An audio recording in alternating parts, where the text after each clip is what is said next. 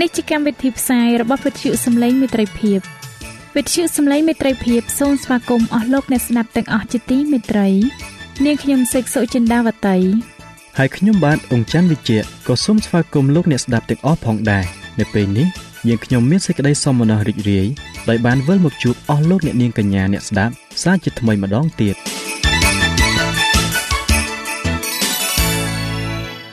នាងខ្ញុំសេកសុចិន្តាវតី សូមជម្រាបជូនកម្មវិធីផ្សាយដែលមានជាបន្តបន្ទាប់ដូចតទៅនេតិជួបជាមួយព្រះបន្ទូលនេតិបទទំនាយនិងប្រវត្តិសាស្ត្រចា៎លោកអ្នកស្ដាប់ជាទីមេត្រី នាងខ្ញុំសូមគោរពអញ្ជើញអស់លោកលោកស្រី អ្នកនាងកញ្ញាតាមដានស្ដាប់កម្មវិធីផ្សាយរបស់វិទ្យុយើងខ្ញុំដូចតទៅ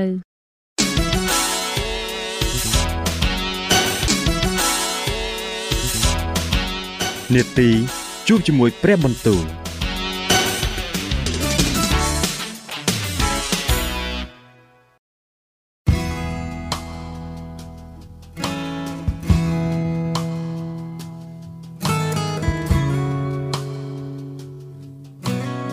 ចាអស់លោកអ្នកស្ដាប់ជាទីមេត្រី ជាដំបូងនាងខ្ញុំសូមអញ្ជើញលោកអ្នកនាងស្ដាប់នេតិជួបជាមួយព្រះបន្ទូលនេតិនេះនឹងលើកយកព្រះបន្ទូល ពីព្រះគម្ពីរនេហេមៀ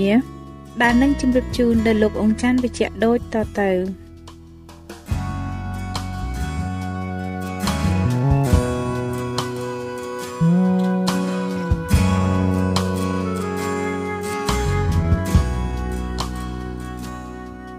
ព្រះគម្ពីរនេហេមៀជំពូកទី12រីឯពួកសង្ឃនិងពួកលេវីដែលឡើងមកជាមួយនឹងស៊ូរ៉ាបាបែល ជាកូនសាល់ធៀលហើយនឹងយេស៊ូគឺសេរាយ៉ាយេរេមៀអេសារ៉ាអាម៉ារីម៉ាលូហាទូសសេកានីរេហ៊ូមមរេម៉ូតអ៊ីដាវគីនេថោនអាប៊ីយ៉ាមីយ៉ាមីនម៉ាអាឌៀប៊ីលកាសេម៉ាយ៉ាយូយ៉ារីបយេដាយ៉ាសាលូអាម៉ុកហិលគីយ៉ានិងយេដាយ៉ានោះសុទ្ធតែជាមេពួកសង្ឃហើយនឹងបងប្អូនគេនៅក្នុងគ្រាយេស៊ូ ឯពួកលេវីនោះមានយេស៊ូប៊ីនុយកាតមៀលសេរេប៊ីយ៉ាយូដានិងម៉ាថានីគឺលោកនេះនិងបងប្អូនលោក ដែលត្រួតលើការងារអរព្រះគុណក៏មានបាបូគៀនិងអ៊ូនីជាបងប្អូនគេ ដែលឈរប្រទល់មុខនឹងអ្នកទាំងនោះ ក្នុងការងាររបស់គេហើយយេស៊ូលោកបង្កើតយូយ៉ាគីមយូយ៉ាគីមបង្កើតអេលីយ៉ាស៊ីបអេលីយ៉ាស៊ីបបង្កើតយូយ៉ាដា យូយ៉ាដាបង្កើតយូណាថានហើយយូណាថានបង្កើតយ៉ាឌូនៅគ្រាយូយ៉ាគីមក៏មានពួកសង្ឃជាកំពូលលើពួកវងរបស់ឪពុកគេ ខាងវងសេរាយ៉ាមានមេរាយ៉ាខាងយេរេមៀមានហានានីខាងអេសារ៉ាមានម៉ូស៊ូឡាមខាងអាម៉ារីមានយូហាណានហើយខាងមេលីគូមានយូណាថានខាងសេបានីមានយូសៃបខាងហារីមមានអាត់ណា ខាងមេរយ៉ូតមានហេលកាយខាងអ៊ីដាវមានសាការី ខាងគីនេថោនមានមូស៊ូឡាម ខាងអាប៊ីយ៉ាមានស៊ីគ្រីខាងមីនយ៉ាមីនគឺខាងម៉ូអាឌៀមានពីលថៃខាងប៊ីលកាមានសាមួខាងសេម៉ាយ៉ាមានយូណាថានខាងយូយ៉ារីបមានម៉ាថ្នាយខាងយេដាយ៉ាមានអ៊ូស៊ីខាងសាឡាយមានកាឡាយខាងអាម៉ុកមានហេបឺខាងហីលគីយ៉ាមានហាសាបយ៉ា ហើយខាងយេដាយ៉ាមាននេថាណែលចំណែកពួកលេវី ក្នុងគ្រាអេលីយ៉ាស៊ីបយូយ៉ាដាយូណាថាន និងយ៉ាឌួនោះបានកត់ឈ្មោះពួកដែលជាកំពូលលើវងរបស់ឪពុកគេព្រមទាំងពួកសង្ឃដែរដរាបដល់រាជដារីយ៉ូសជាស្ដេចសាសពឺស៊ីពួកកូនចៅលេវីនោះដែលជាកំពូលលើវងរបស់ឪពុកគេបានកត់ទុកក្នុងសិភៅរបស់ក្សត្រហើយដរាបដល់គ្រាយូហាណាន ជាកូនអេលីយ៉ាស៊ីបឯពួកមេក្នុងពួកលេវី នោះគឺហាសាប់យ៉ាសេរេប៊ីយ៉ានិងយេស៊ូជាកូនកាតមៀលហើយមានពួកបងប្អូនគេឈរប្រទល់មុខនឹងគេ ដើម្បីនឹងសរសើរឲ្យអរព្រះគុណដោយពួកទល់មុខគ្នា តាមបង្គាប់របស់ដាវីតជាអ្នកសំណប់របស់ព្រះឯម៉ាថានីបាក់បូគៀអូម៉ាឌីមស៊ូឡាមថាល់ម៉ូននិងអាគូគេជាអ្នកឆ្មាំទ្វារដែលចាំយាមនៅឃ្លាំងត្រង់មាត់ទ្វារពួកអ្នកទាំងនោះ មាននៅក្នុងគ្រាយូយ៉ាគីម ជាកូនរបស់យេស៊ូដែលជាកូនយូសាដាកនិងគ្រានេហេមៀជាចវាយទីក្រុង ហើយនឹងគ្រាស្មៀនអេសារ៉ាដល់ជាសង្ឃនៅគ្រាដែលគេធ្វើពិធីឆ្លងកំផែងក្រុងយេរូសាឡឹមនោះគេស្វែងរកពួកលេវីពីគ្រប់កន្លែងរបស់គេនាំមកឯក្រុងយេរូសាឡឹមដើម្បីនឹងធ្វើបន់ឆ្លងនោះដោយអំណរព្រមទាំងមានពាក្យអរព្រះគុណនិងការចម្រៀងផ្សំដោយឈឹងពិននិងសុងផងឯកូនចៅរបស់ពួកចម្រៀង គេក៏មូលគ្នាពីស្រុកជុំវិញក្រុងយេរូសាឡឹមហើយពីអស់ទាំងភូមិនៃពួកនធោផាពីបេតគីលកាលពីស្រុកស្រែចំការកេបា និងអាស្មាវេតដែរពីព្រោះពួកចម្រៀងគេបានធ្វើភូមិនៅព័ទ្ធជុំវិញក្រុងយេរូសាឡឹមពួកសង្ឃនិងពួកលេវីបានញែកខ្លួនជាបរិសុទ្ធរួចក៏ញែកពួកបណ្ដាជនព្រមទាំងទ្វារទាំងប៉ុន្មាននិងកំផែងផងចេញជាបរិសុទ្ធគ្រានោះខ្ញុំបាននាំពួកអ្នកជាប្រធានក្នុងពួកយូដាឡើងទៅលើកំផែង ក៏តម្រូវឲ្យមានពីរពួកធំធំ ដែលពោលពីអប្រគុណហើយដង្ហែគ្នា ពួកមួយទៅខាងស្ដាំនៅលើកំផែងតម្រង់ទៅឯទ្វារចាក់សម្រាម មានហូសាយ៉ានិងពួកជាប្រធានលើពួកយូដាពាក់កណ្ដាលគេដើរតាមក្រោយព្រមទាំងអាសារៀអេសារ៉ាម៉ូស៊ូឡាមយូដាបេនយ៉ាមីនសេម៉ាយ៉ានិងយេរេមៀដែរហើយកូនចៅពួកសងខ្លះដែលកាន់ត្រែគឺសាការី ជាកូនយូណាថានដែលជាកូនសេម៉ាយ៉ា សេម៉ាយ៉ាជាកូនម៉ាថានីម៉ាថានីជាកូនមីកាយ៉ាមីកាយ៉ាជាកូនសាកើសាកើជាកូនអេសាបនិងពួកបងប្អូនលោក គឺសេម៉ាយ៉ាអាសារៀលមីឡាឡាយគីឡាឡាយម៉ាអាយនេថាណែលយូដានិងហានានីដែលកាន់ប្រដាប់ភ្លេងរបស់ដាវីតជាអ្នកសម្ដាប់របស់ព្រះហើយមានស្មៀនអេសារ៉ាជាអ្នកនាំមុខគេក៏ដង្ហែគ្នាតាមទ្វារក្បាលទឹកតម្រង់ទៅខាងមុខឡើងចិន្តានៃទីក្រុងដាវីត តាមកន្លែងឡើងទៅលើកំផែងត្រង់ពីលើព្រះរាជដំណាក់ដាវីតរហូតទៅដល់ទ្វារទឹកដែលនៅខាងកើតឯពួកមួយទៀតដែលពោលពីអរព្រគុណនោះក៏ដង្ហែទៅជួបគ្នាខ្ញុំក៏ដើរតាមពួកនេះមានទាំងបណ្ដាជនពាក់កណ្ដាលនៅលើកំផែងត្រង់ពីលើប៉មគប់ភ្លើងរហូតដល់ទីខ្នងកំផែងធំទូលាយហើយពីលើទ្វារអេប្រាអែមនិងត្រង់ទ្វារចាស់ទ្វារត្រីប៉មហានានីលនិងប៉មហាមេអារហូតដល់ទ្វារជាមរួចដល់ទ្វារគប់នោះក៏ឈប់ឈរនៅ យ៉ាងនោះពួកអ្នកដែលពោលពីអរព្រះគុណក្នុងព្រះវិហារនៃព្រះ ទាំងពីរពួកក៏ឈរនៅតម្រៀបគ្នា មានទាំងខ្ញុំនិងពួកមេភ័ក្តិកណ្ដាលដែលនៅជាមួយនឹងខ្ញុំផងក៏មានពួកសង្ឃគឺអេលីគីមម៉ាអាសាយ៉ានិងមីនយ៉ាមីនមីកាយ៉ាអេលីយ៉ូណៃសាការីនិងហានានីដែលកាន់ត្រៃដែរហើយម៉ាអាសាយ៉ាសេម៉ាយ៉ាអេលីសាអ៊ូស៊ីយូហាណានម៉ាល់គៀអេឡាំ និងអេសឺដែរឯពួកចម្រៀងគេក៏ច្រៀងឡើងជាខ្លាំងតាមយីស្រាហៀដែលនាំមកគេ នៅថ្ងៃនោះគេក៏ថ្វាយដង្វាយយ៉ាងសន្ធឹកហើយមានសេចក្តីរីករាយពីព្រោះព្រះទ្រង់បានធ្វើឲ្យគេអសប្បាយយ៉ាងខ្លាំងឯពួកស្រីស្រីនិងកូនក្មេងក៏សប្បាយព្រមគ្នាដល់ម្លេះបានជាសេចក្តីអំណរដែលមាននៅក្រុងយេរូសាឡឹមបានលឺផ្សាយទៅឆ្ងាយនៅថ្ងៃនោះគេក៏តាំងមនុស្សឲ្យត្រួតត្រាលើបន្ទប់ដែលសម្រាប់របស់ថ្ងៃពិសេសដង្វាយលើកចុះឡើង ផលដំបងនិងដង្វាយមួយភាគក្នុង10ដើម្បីនឹងប្រមូលចំណែកដែលក្រឹតវិន័យបានតម្រូវឲ្យទុកសម្រាប់ពួកសង្ឃនិងពួកលេវីពីអស់ទាំងស្រែចម្ការនិងទីក្រុងមកទុកក្នុងបន្ទប់ទាំងនោះបាត់ពួកយូដាគេមានសេចក្តីអំណរចំពោះពួកសង្ឃនិងពួកលេវីដែលឈរនៅតំណែងគេព្រមទាំងរក្សាបញ្ញារបស់ព្រះនៃគេនឹងការងាយញែកជាបរិសុទ្ធពួកចម្រៀងនិងពួកឆ្មាំទ្វារក៏ធ្វើដូច្នោះដែរតែបង្គាប់ដាវីតនិងសាឡូមោន ជាព្រះរាជបុត្រាទ្រង់ក្បត់កាលពីដើមក្នុងគ្រាដាវីតនិងអេសាបនោះមានមេលើពួកចម្រៀងក៏មានទំនុកចម្រៀងសរសើរនឹងកើងហើយអរព្រគុណដល់ព្រះហើយនៅគ្រាសេរូបាបែលនិងនេហេមៀនោះពួកអ៊ីស្រាអែលទាំងអស់គ្នាក៏ថ្វាយចំណែកសម្រាប់ពួកចម្រៀងនិងពួកឆ្មាំទ្វារតាមដែលត្រូវការរាល់រាល់ថ្ងៃគេក៏លេខទុកមួយចំណែកឲ្យពួកលេវីហើយពួកលេវីក៏លេខទុកមួយចំណែកឲ្យពួកកូនចៅអេរ៉ុន ព្រះគម្ពីរនេហេមៀជំពូកទី13នៅថ្ងៃនោះឯងគេបានអានមើលក្នុងគម្ពីរលោកម៉ូសេនៅចំពោះបណ្ដាជនហើយគេប្រទះឃើញសេចក្តីដែលចែកទុកមកថាពួកសាសអាម៉ូននិងពួកសាសម៉ូអាប់មិនត្រូវចូលទៅក្នុងពួកជំនុំនៃព្រះឡើយដោយព្រោះគេមិនបានរាក់ទាក់ទទួលពួកកូនចៅអ៊ីស្រាអែលដោយនំប៉័ងនិងទឹកទេ គឺបានជួលបាឡាមឲ្យមកដាក់បណ្ដាសាដល់គេវិញប៉ុន្តែព្រះនៃយើងរាល់គ្នា ទ្រង់បានបំផ្លាញសេចក្តីបណ្ដាសានោះឲ្យទៅជាពរវិញដូច្នេះកាលគេបានលើក្រឹតវិន័យនោះហើយគេក៏ញែកពួកលាយពូជចេញពីសាសអ៊ីស្រាអែលទៅរីឯការមុនដំណើរនេះអេលីយ៉ាស៊ីបដ៏ជាសង្ឃដែលបានតាំងឡើងឲ្យត្រួតលើបន្ទប់ព្រះវិហាររបស់ព្រះនៃយើងរាល់គ្នាលោកបានភ្ជាប់ញាតនឹងថូប៊ីយ៉ាដូច្នេះលោកបានរៀបចំបន្ទប់ធំមួយទុកសម្រាប់ថូប៊ីយ៉ាជាបន្ទប់ដែលពីដើមគេដាក់ដង្វាយម្សៅកំញាន គ្រឿងប្រដាប់ទាំងប៉ុន្មាននិងដង្វាយមួយភាគក្នុង10ពីស្រូវទឹកទំពាំងបាយជូរនិងប្រេងដែលគេយកមកថ្វាយតាមបង្គាប់សម្រាប់ពួកលេវីពួកចម្រៀងនិងពួកឆ្មាំទ្វារព្រមទាំងដង្វាយលើកចុះឡើងសម្រាប់ពួកសង្ឃដែរតែនៅអស់រវាងវេលានោះខ្ញុំមិនបាននៅក្រុងយេរូសាឡឹមទេត្បិតនៅឆ្នាំទី32ក្នុងរាជអឺថាសឹកសេសជាស្ដេចបាប៊ីឡូននោះខ្ញុំបានវិលទៅឯស្ដេច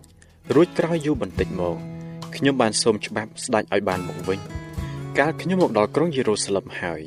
នោះខ្ញុំឃើញការអាក្រក់ដែលអេលីយ៉ាស៊ីបបានធ្វើដោយរៀបចំបន្ទប់មួយសម្រាប់ថូប៊ីយ៉ានៅក្នុងទីលានព្រះវិហារនៃព្រះ ការនោះបានទំនាស់ចិត្តខ្ញុំជាខ្លាំងហេតុនោះខ្ញុំក៏យកអស់ទាំងប្រដាប់ប្រដារបស់ថូប៊ីយ៉ាបោះទៅខាងក្រៅបន្ទប់ចេញខ្ញុំក៏បង្គាប់ឲ្យគេសម្អាតបន្ទប់រួចខ្ញុំយកគ្រឿងប្រដាប់របស់ព្រះវិហារនៃព្រះព្រមទាំងដង្វាយម្សៅនិងកំញាន ទៅដាក់ទុកក្នុងនោះវិញខ្ញុំក៏យល់ឃើញថា គេមិនបានចែកចំណែកឲ្យដល់ពួកលេវីទេ បានជាពួកលេវីនិងពួកចម្រៀងដែលធ្វើការងារគេបានរត់ទៅឯស្រែចម្ការរបស់ខ្លួនវិញដូច្នេះខ្ញុំបានតវ៉ាដល់ពួកមេថាហេតុអ្វីបានជាបោះបង់ចោលព្រះវិហារនៃព្រះដូច្នេះរួចខ្ញុំក៏ប្រមូលពួកលេវីមកតាំងទុកនៅតំណែងរបស់គេវិញ ហើយពួកយូដាទាំងអស់គ្នា គេយកដង្វាយមួយភាគក្នុង10ពីស្រូវទឹកទំពាំងបាយជូរ និងប្រេងមកដាក់ក្នុងឃ្លាំងហើយខ្ញុំក៏តាំងឲ្យមានពួកអ្នកត្រួតលើឃ្លាំងទាំងនោះគឺសេលេមៀដ៏ជាសង្ឃស្មៀនសាដុកហើយពេដាយ៉ាជាពួកលេវី បន្ទាប់មកមានហាណាន ជាកូនសាកើ ដែលជាកូនម៉ាថានីត្បិតអ្នកទាំងនោះបានរាប់ជាមនុស្សស្មោះត្រង់ហើយការងាររបស់គេ គឺជាអ្នកចែកចំណែកដល់បងប្អូនខ្លួនអោព្រះនិទូបង្គំអើយសូមនឹករលឹកដល់ទូបង្គំពីដំណើរការនេះផង សូមគំលប់អំពើល្អដែលទូបង្គំបានធ្វើសម្រាប់ព្រះវិហាររបស់ព្រះនិទូបង្គំនិងសម្រាប់ការដែលត្រូវធ្វើក្នុងទីនោះចេញឡើយនៅគ្រានោះខ្ញុំបានឃើញមនុស្សខ្លះនៅស្រុកយូដាកំពុងតែជន់ធុងផ្លែទំពាំងបាយជូរនៅថ្ងៃឈប់សម្រាកព្រមទាំងដឹកកណ្ដាប់ស្រូវចូលមកនិងផ្ទុកសัตว์លា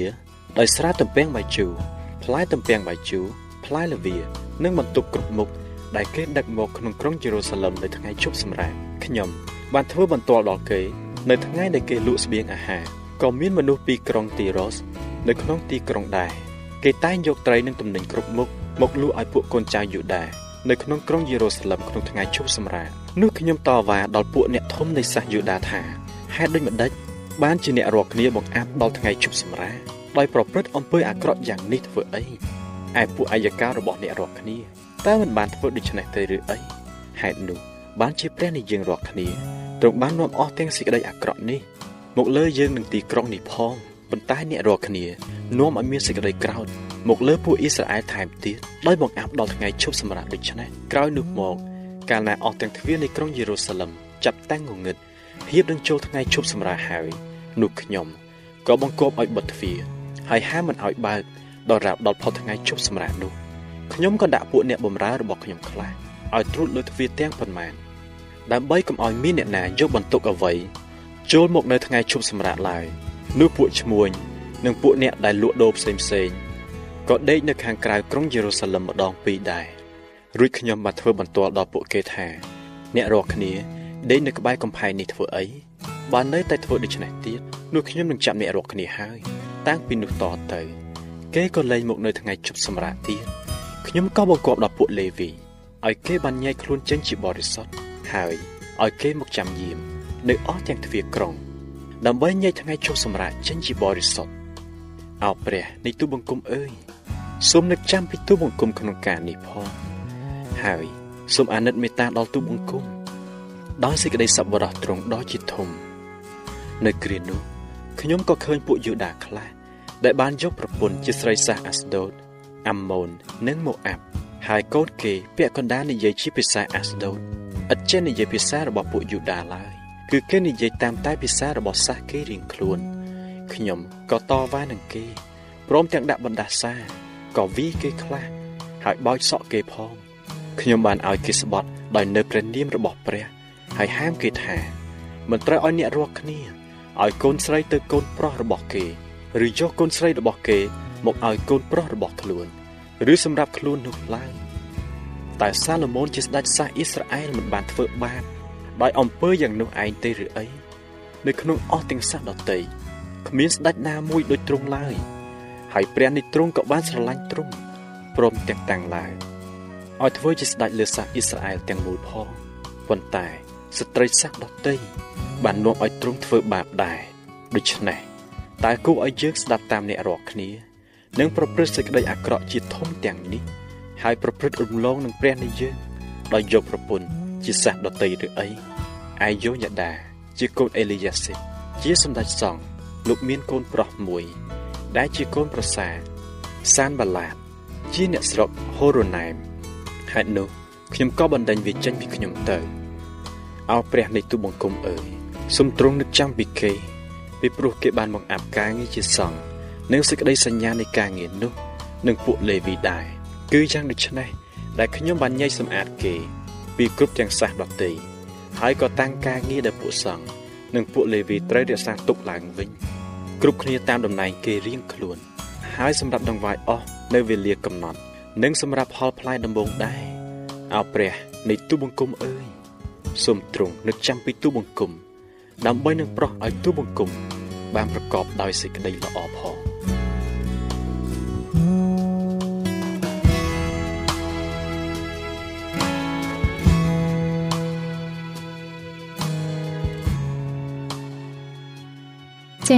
ប្រិយមិត្តអ្នកស្ដាប់ជាទីមេត្រី ដោយពេលវេលាមានកំណត់ យើងខ្ញុំសូមផ្អាកនាទីជប់ជាមួយព្រឹបបន្ទូលនេះត្រឹមតែប៉ុណ្ណេះសិនចុះដោយសន្យាថានឹងលើកយកនីតិនេះមកជម្រាបជូនជាបន្តទៀតនៅថ្ងៃច័ន្ទសប្តាហ៍ក្រោយ សូមអរគុណ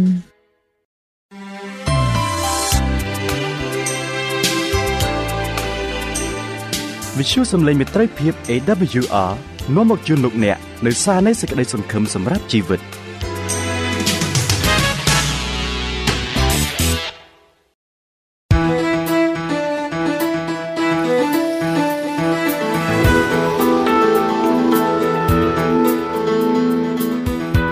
សូមជូននីតិបទទំនាយនិងប្រវត្តិសាស្ត្រ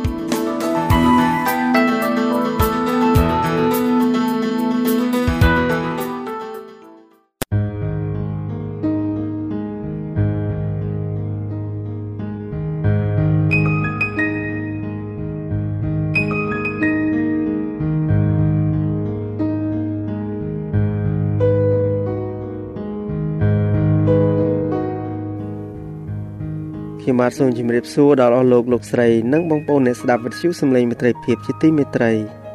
ហើយសូមឲ្យព្រះគុណនិងសេចក្តីសុខសាន្តរបស់ទ្រង់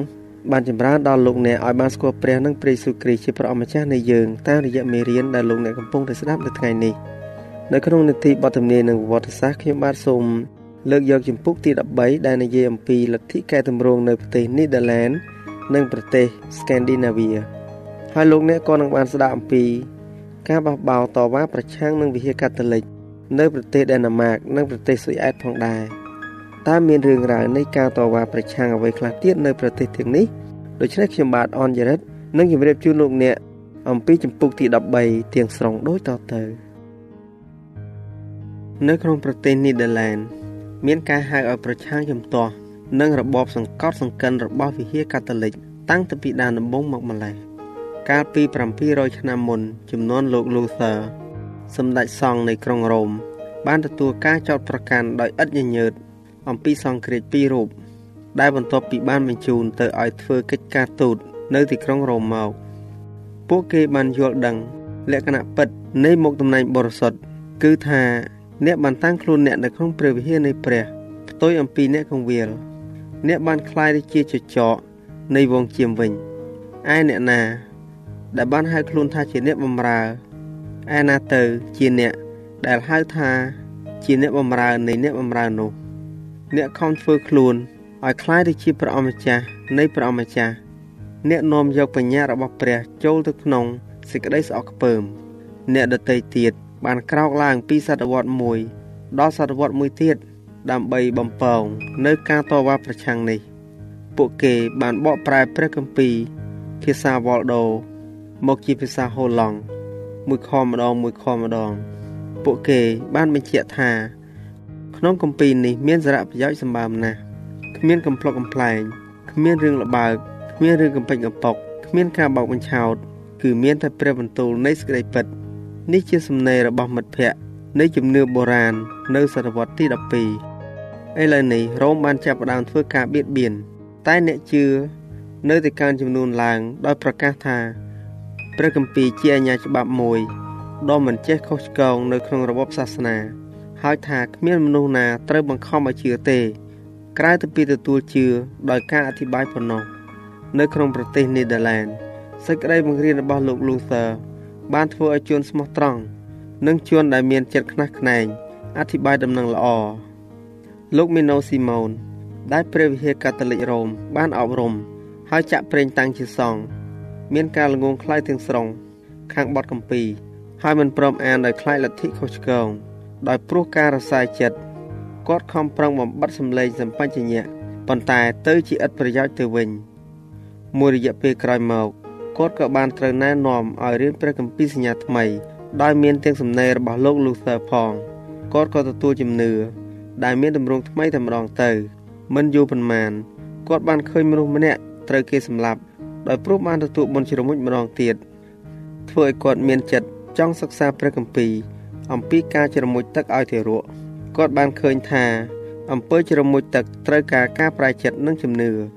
លោកមិនណូស៊ីម៉ូនបានដកខ្លួនចេញពីព្រះវិហាររ៉ូមហើយបូជាជីវិតចំពោះការបង្រៀនសេចក្តីពិត ដែលគាត់បានទទួលទាំងនៅប្រទេសអាល្លឺម៉ង់និងប្រទេសនីដាឡែនមានក្រុមជឿងប់ងល់មួយក្រុមបានកើតឡើង ជាក្រុមដែលមានកិរិយានិងសុជីវធម៌ដ៏ត្រគោះយងខ្នងលោកមេណូស៊ីម៉ូនបានប្រឆាំងយ៉ាងខ្លាំងក្លាចំពោះសេចក្តីបង្រៀនដ៏ខុសឆ្គងហើយនឹងគម្រោងការដ៏សាហាវនៃពួកជឿងប់ងល់គាត់បានដើរចុះឡើង រវាងប្រទេសនីដាឡែនហើយនិងប្រទេសអាល្លឺម៉ង់ផ្នែកខាងជើងអស់រយៈកាល25ឆ្នាំ បញ្ចេញឥទ្ធិពលសពទិសទីដោយសម្ដែងជាគំរូនៅក្នុងជីវិតគាត់ផ្ទាល់សម្ដែងជាសិក្ខាបទ ដែលគាត់បានបង្រៀនគាត់ជាមនុស្សសុចរិតសុភាពស្លូតបូតស្មោះត្រង់ហើយមានចិត្តខ្នះខ្នែងមានមនុស្សច្រើនក្រៃលែងបានទទួលជាប្រាចិត្តដោយសារការងាររបស់គាត់នៅប្រទេសអាល្លឺម៉ង់ព្រះចៅឆាលទី5បានដាក់បំរាម ដល់លទ្ធិកែតម្រង់ប៉ុន្តែពួកក្សត្របានឈរឡើងជារបាំងរារាំងចំពោះអំណាចជិះជាន់របស់ទ្រង់នៅឯប្រទេសនេដាឡែនវិញព្រះអង្គបានមានអំណាចខ្លាំងជាង បទបញ្ជាធ្វើទុកបៀតបៀនបានចេញមកជាបន្តបន្ទាប់ការអានព្រះគម្ពីរការស្ដាប់ឬការអធិប្បាយការអធិដ្ឋាន ដល់ព្រះនៅក្នុងទីអត់កំបាំងការមិនព្រមឲ្យគោរពថ្វាយបង្គំរូបសំណាកនិងការច្រៀងទំនុកដំកើងសុទ្ធតែបានទទួលទរណកម្មដល់ស្លាប់មនុស្សរាប់ពាន់នាក់ត្រូវបានវិនិច្ឆ័យសាបសូន្យនៅក្រោមរបបស្ដេចឆាល និងហ្វីលីបទី2នៅគ្រាមួយមានគ្រួសារមួយគ្រួត្រូវបានគេនាំមក ចំពោះពួកដេញដោលរកទោសហើយត្រូវបានជួបចោតដោយបានគេចវេះពីពិធីម៉ាស់ហើយធ្វើការថ្វាយបង្គំព្រះនៅផ្ទះកូនប្រុសគេ បានឆ្លើយថា យើងបានលុតជង្គង់ចុះអធិដ្ឋាន ទូលសូមព្រះឲ្យបំភ្លឺដល់គំនិត និងអត់ទោសដល់អំពើបាបរបស់យើងផង យើងអធិដ្ឋានសម្រាប់មហាក្សត្រយើងសូមឲ្យរាជទ្រង់បានចម្រើនសូមឲ្យប្រជាជនទ្រង់បានពោពេញទៅដោយសេចក្តីសុខយើងអធិដ្ឋានសម្រាប់ពួកចៅក្រមរបស់យើង សូមឲ្យព្រះជួយរក្សាការពារពួកគេឪពុកនិងកូនប្រុសម្នាក់របស់គាត់ត្រូវបានគេកាត់ទោសឲ្យស្លាប់នឹងមង្គលពិឃាតមិនគ្រាន់តែពួកប្រុសប្រុសប៉ុណ្ណោះទេ គឺទាំងស្ត្រី និងស្ត្រីក្រមុំផងក៏បានបង្ហាញនៅសេចក្តីក្លាហានដ៏អត់ញញើតភរិយាទាំងឡាយឈរនៅក្បែរបង្គោលពិឃាតនៃស្វាមីរបស់ខ្លួន ហើយនៅពេលដែលគេកំពុងតែទ្រាំទ្រចំពោះភ្លើង ពួកគេខ្សឹបនៅពាក្យសម្រាលតុកឬច្រៀងទំនុកដំកើងឲ្យរីករាយឡើង ស្ត្រីក្រមុំក្មេងៗដេកចុះនៅក្នុងភ្នូដ៏រស់ដូចជាពួកគេកំពុងទៅក្នុងបន្ទប់ដេកនៅវេលាយប់ឬចេញទៅកាន់រន្ទាពិឃាតនឹងភ្លើង ប្រដាប់ដោយសម្លៀកបំពាក់ល្អបំផុត ដូចជាកំពុងធ្វើដំណើរទៅកាន់ពិធីអាពាហ៍ពិពាហ៍របស់ខ្លួន ការធ្វើទុកបៀតបៀនបានបង្កើនចំនួននៃអ្នកធ្វើបន្ទាល់សម្រាប់សេចក្តីពិតពីមួយឆ្នាំទៅមួយឆ្នាំ មហារាជាបានជំរុញកិច្ចការដ៏សាហាវឃោឃៅរបស់ទ្រង់ប៉ុន្តែនៅតែជាអាសាឥតការដដែល ទីបំផុតលោកវេលៀមនៃស្រុកអូរ៉ង់ប្រទេសអ៊ីកឡង់ភាគខាងជើង បាននាំមកឲ្យប្រទេសហូឡង់នៅសិទ្ធិសេរីភាពក្នុងការថ្វាយបង្គំព្រះនៅក្នុងប្រទេសនៃភាគខាងជើង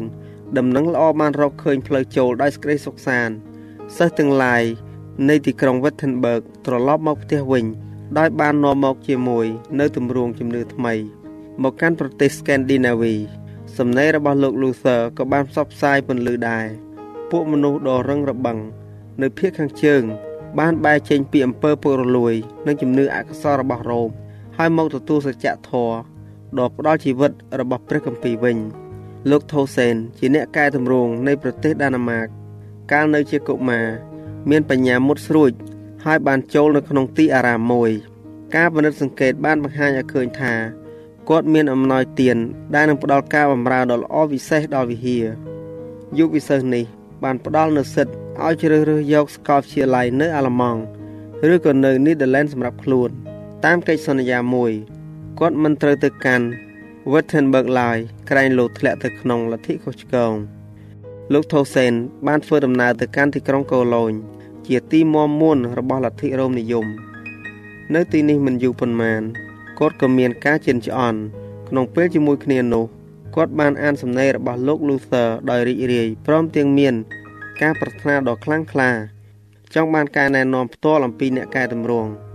ដើម្បីធ្វើដូច្នោះគឺគាត់ត្រូវតែប្រថុយបាត់បង់នៅការគ្រប់គ្រងរបស់ចៅហ្វាយខ្លួនមិនយូរប៉ុន្មានគាត់ក៏បានក្លាយទៅជានិស្សិតមួយរូបនៅ Wittenberg តាមការសម្រេចចិត្តរបស់គាត់នៅពេលត្រឡប់ទៅប្រទេសដាណាម៉ាកវិញគាត់ពុំបានបញ្ចេញអាចកំបាំងរបស់គាត់ទេ គឺគិតតែពីខំដឹកនាំក្រុមរបស់គាត់ទៅរកជំនឿបរិសុទ្ធជាងគាត់បានបើកព្រះគម្ពីរអធិប្បាយអំពីព្រះគ្រីស្ទដល់ពួកគេ ថាជាសេចក្តីសង្គ្រោះតែមួយគត់របស់បាបជនសេចក្តីក្រោធដ៏ឆេះឆួលបានកើតមាន ដល់ពួកសង្ឃដែលខំសង្ឃឹមយ៉ាងខ្លាំងទៅលើគាត់ថាជាអ្នកការពារមុតមមរបស់រ៉ូម គេបានបញ្ជូនគាត់ចេញ អំពីទីវត្តអារាមរបស់ខ្លួន ទៅកាន់ទីវត្តអារាមមួយភ្លាមរួចឃុំឲ្យនៅតែក្នុងបន្ទប់លោកថូសេនបានធ្វើការតាក់ទងជាមួយក្រុមរបស់គាត់ នៅចំណេះនៃសច្ចធម៌តាមចម្រឹងបន្ទប់ឃុំឃាំងរបស់ខ្លួនប្រសិនបើពួកអ្នកធំនិស្សិតដាណាម៉ាក មានជំនាញការចំពោះផែនការវិហារនៅក្នុងការលេីលោកជាមួយលទ្ធិខុសឆ្គងនោះសម្លេងរបស់ថូសេននឹងមិនដែលបានលឺម្ដងទៀតឡើយ ប៉ុន្តែផ្ទុយពីការដាក់គាត់នៅក្នុងគុកងងឹតក្រោមដី គេបានដេញគាត់ចេញ អំពីទីវត្តអារាមវិញ មានរាជបញ្ជាមួយច្បាប់ទើបតែបានចេញមកដែលការពៀគ្រូនៃគោលលទ្ធិថ្មី ក្រុមជំនុំទាំងឡាយបានទទួលស្វាគមន៍គាត់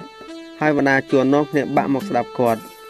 ព្រះគម្ពីរសញ្ញាថ្មីជាភាសាដាណាម៉ាកត្រូវបានចែកចាយជាទូទៅ ការខិតខំរលំចោលនៅកិច្ចការនោះបែរជាធ្វើឲ្យចម្រើនទៀសពេញទៅវិញ ហើយមិនយូរប៉ុន្មានប្រទេសដាណាម៉ាក បានប្រកាសទទួលជំនឿថ្មី នៅប្រទេសស៊ុយអែតក៏ដូចគ្នាដែរយុវជន Wittenberg បាននាំទឹកជីវិតទៅកាន់បណ្ដាជនរបស់ខ្លួនមេដឹកនាំពីររូបប្រចាំកំណែតម្រង់នៃប្រទេសស៊ុយអែតគឺលោក Olaf និងលោក Orontius Petri បានសិក្សាពីលោក Luther និង Melanchthon